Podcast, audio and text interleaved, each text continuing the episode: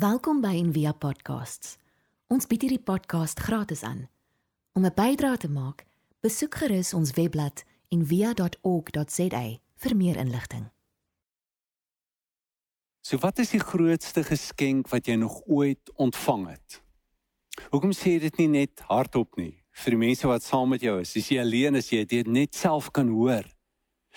Ek wonder, is dit iets 'n groot geskenk wat jy geërf het?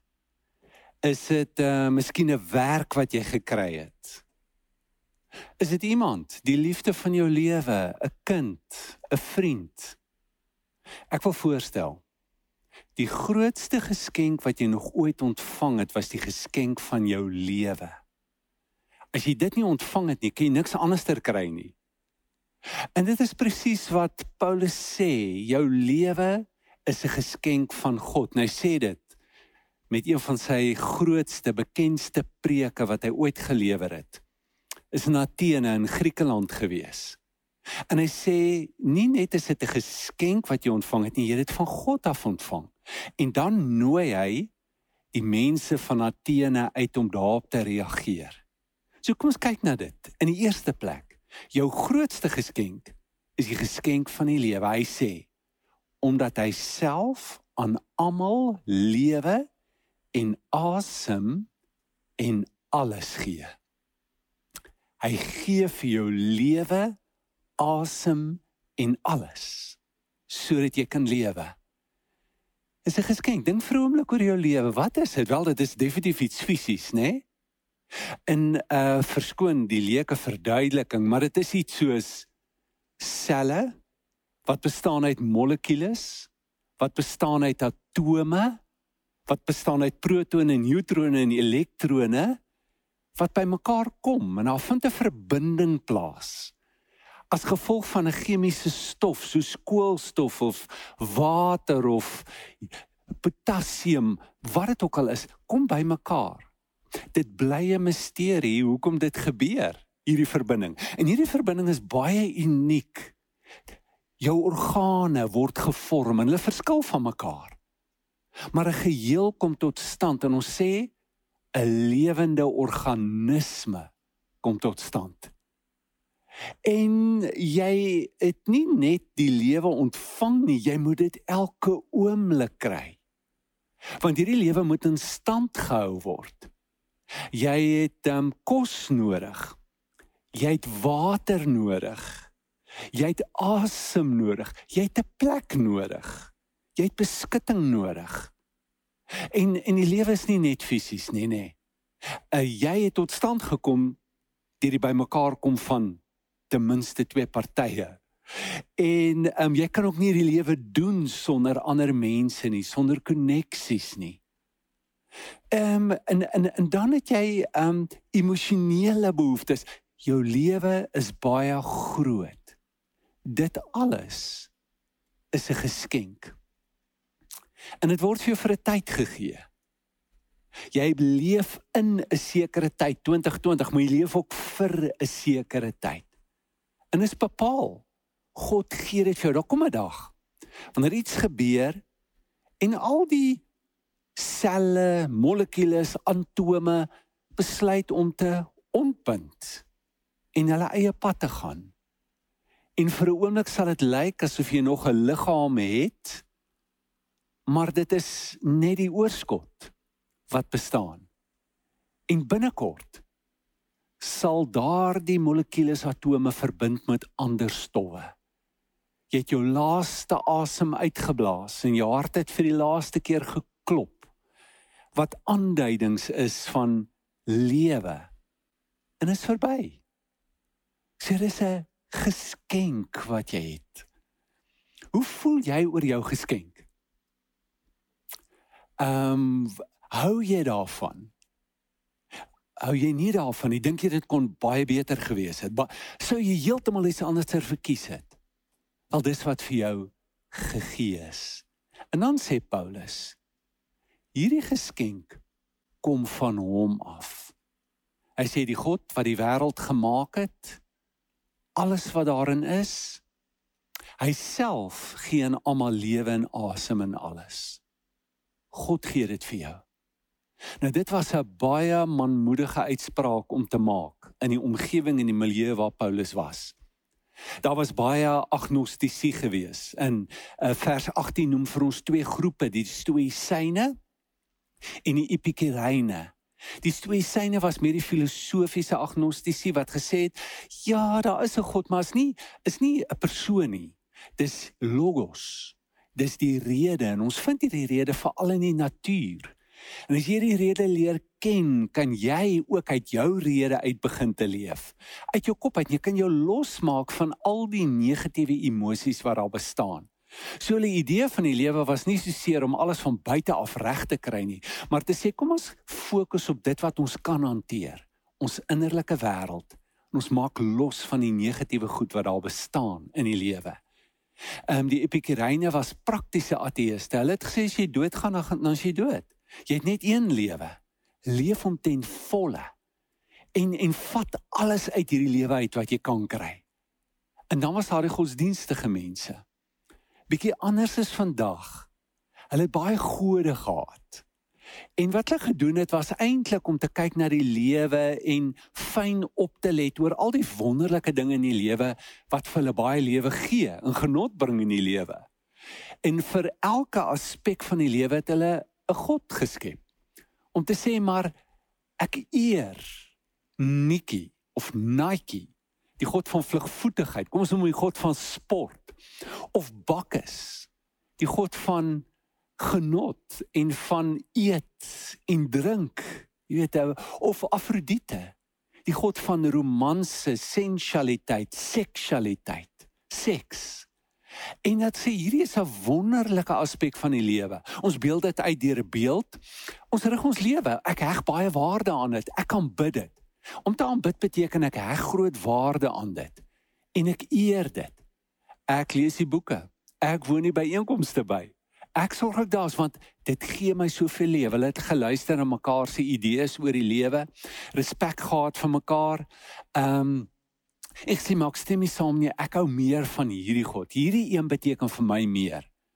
Ons leef net nou baie meer gesofistikeerde omgewing en ons praat nie so nie, ons dink nie so nie, maar ek wonder wat het verander.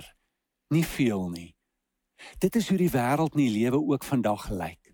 Nou vir hulle sê Paulus, daar is een Skepper God. Deur dit te doen, nooi hulle uit om heeltemal anders te kyk na die lewe. Hy in vers 10 sê hy hy het gekyk en toe raak sy hart om hom ontstel toe hy al die afgode sien. Dis interessant die woord wat vir kyk gebruik word. Is nie net blephou, dis nie net kyk ek sien dit die objek nie. Dit is theora. Kan jy hoor waar kom ons teoretiseer vandaan? Ek vorm 'n teorie. Ek kyk agter wat ek kan sien met die blote oog. Daar's 'n mag Daar's iets aan werk agter hierdie afgode en agter hierdie fenomene wat hier gebeur.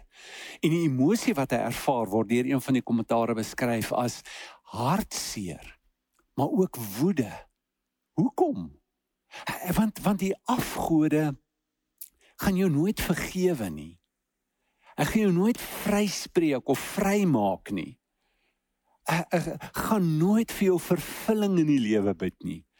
En dis hoekom hy teen dit opstaan. En hy sê maar al hierdie goed wat jy aanbid is eintlik deur God geskape.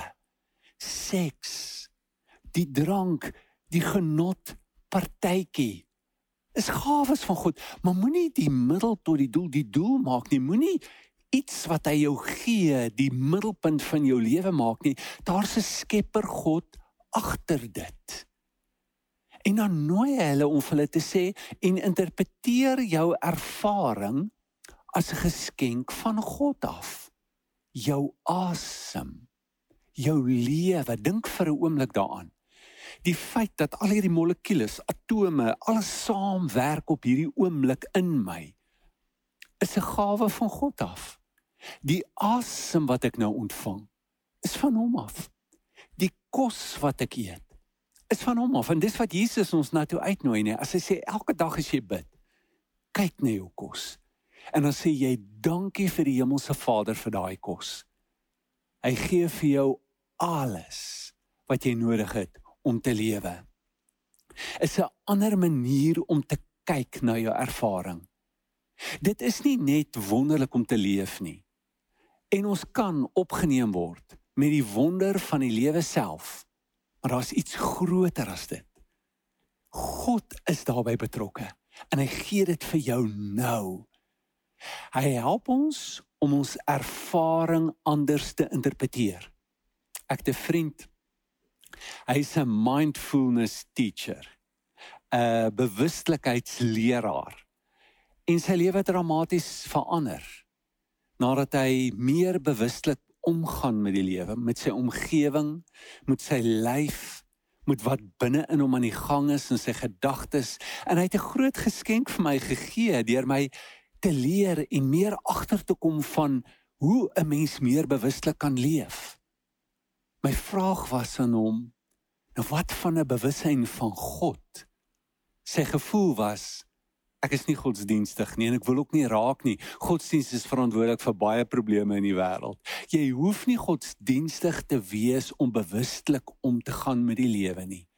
Dis vir hom genoeg. Paulus se uitnodiging is iets groter, is iets meer raak bewus van die geskenk van die lewe, maar raak bewus van die feit dat God dit vir jou gegee het en dit elke oomblik vir jou gee. Is groot. En dan neem Paulus 'n baie interessante wending. Hy gee 'n uitnodiging aan hulle. En hy sê vir hulle dat kom ek stel julle bekend aan hierdie God, die Skepper God. Is Jesus. En dis die goeie nuus wat ek vir julle wil gee. Hy het opgestaan uit die doodheid. Luister wat sê hy. Hy het aan hulle die evangelie van Jesus en die opstanding verkondig. Sodat hulle die Here kon soek of hulle hom miskien kon aanraak en vind. Al is hy nie ver van hulle nie. Want in hom leef ons, beweeg ons en is ons. So Paulus se boodskap is dat God nie 'n mag is nie.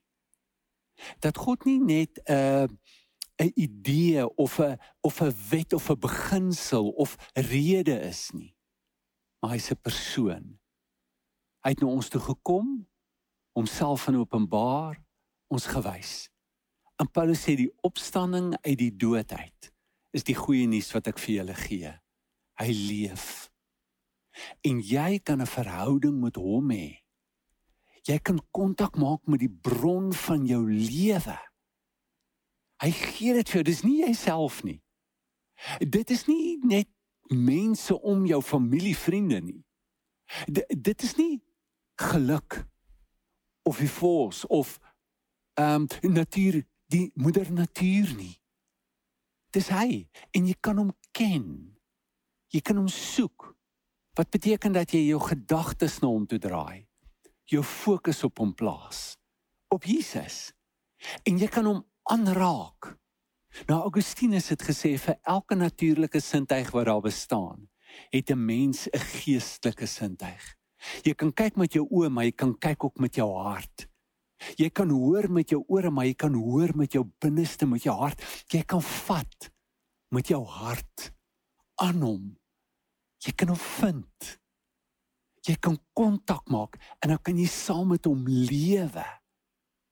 Dit is 'n heel ander manier van lewe. So wat Paulus doen is om eintlik hulle hele wêreld om te draai.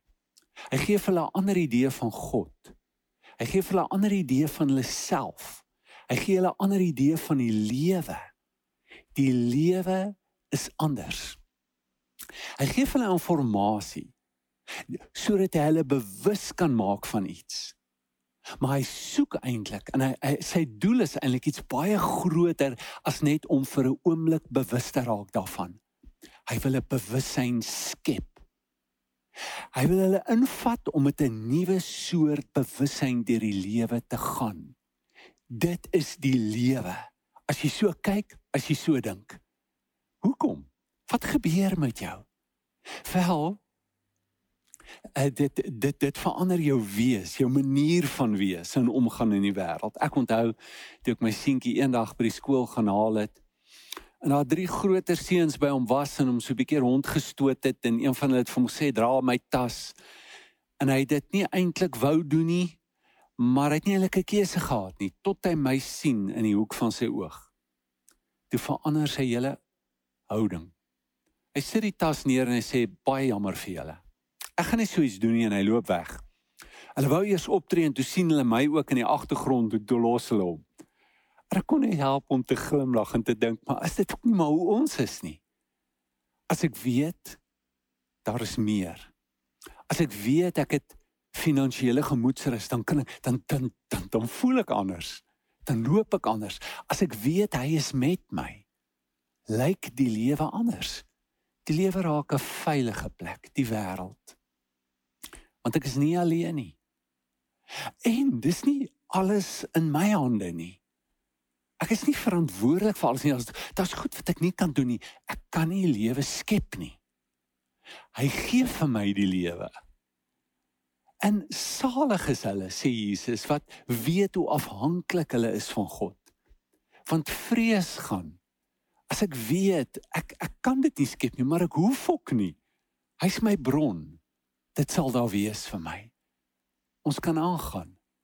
Dis 'n geweldige verandering wat in jou plaasvind in 'n skuif as jy met hierdie bewussyn begin te leef. Ons moet dit kweek. Ons moet ons aandag daarop fokus. Een van die beginsels of een van die gebruike wat Jesus ons aangemoedig het om te doen, is om elke dag te bid vir jou kos. Dit as jy vir jou bord kos vat, kyk 'n bietjie na jou kos. Dink oor die kos, waar kom dit vandaan? Daai kos moes 'n lang pad ge, gekom het om uiteindelik voor jou bord by jou te wees. Dit moes groei moes water kry, daar was versorging, dit moes son kry. In dalk 'n dier wat moes sterf, ook versorg moes word. Alles sodat jy nou kan eet om energie te kan kry. En dan is die onthou. Raak bewus daarvan. Dis hy wat dit vir jou gee. En so kan jy deur die lewe gaan met alles waarmee jy te doen kry met 'n bewussyn dat dit kom van hom af. En so ontwikkel jy, so groei ons om uiteindelik deur hierdie lewe te gaan wakker. Nie onbewus van die groot geskenke wat ons kry en die grootste geskenk wat ons het, die lewe nie. Ons dank hom daarvoor. Dit bring groot dankbaarheid in jou lewe. Dit raak 'n groot uitnodiging om die lewe wat jy ontvang het te aanvaar dis my lewe. Ek weet nie beter nie. Hy weet beter. En ek's nie ontevrede. En ek vind nie fout met hierdie geskenk wat ek gekry het nie. Dit is my geskenk. En ek is diep dankbaar daarvoor. Dan is Paulus se uitnodiging Galasiërs 6 in die message take responsibility for your own life and do the creative best you can with your life want dit is 'n geskenk. En ek's dankbaar. En ek wil my lewe leef. Want dit is al wat ek het. Is wat hy my gegee het. Kom ons doen 'n gebed saam. Hemelse Vader, ons dankie vir die lewe wat U vir ons gegee het. Help ons nie net om die aspekte en die goed van die lewe te sien nie, maar help ons om ook die oë te sien waardeur ons kyk na die lewe. Help ons om die lewe self te sien. Te sien hoe dit van U af kom. Help ons om hierdie gawe te aanvaar. Ons vra dit in die naam van Jesus. Amen. Ons hoop van harte jy het hierdie podcast geniet of raadsaam gevind. Besoek gerus en via.ok.za vir meer inligting.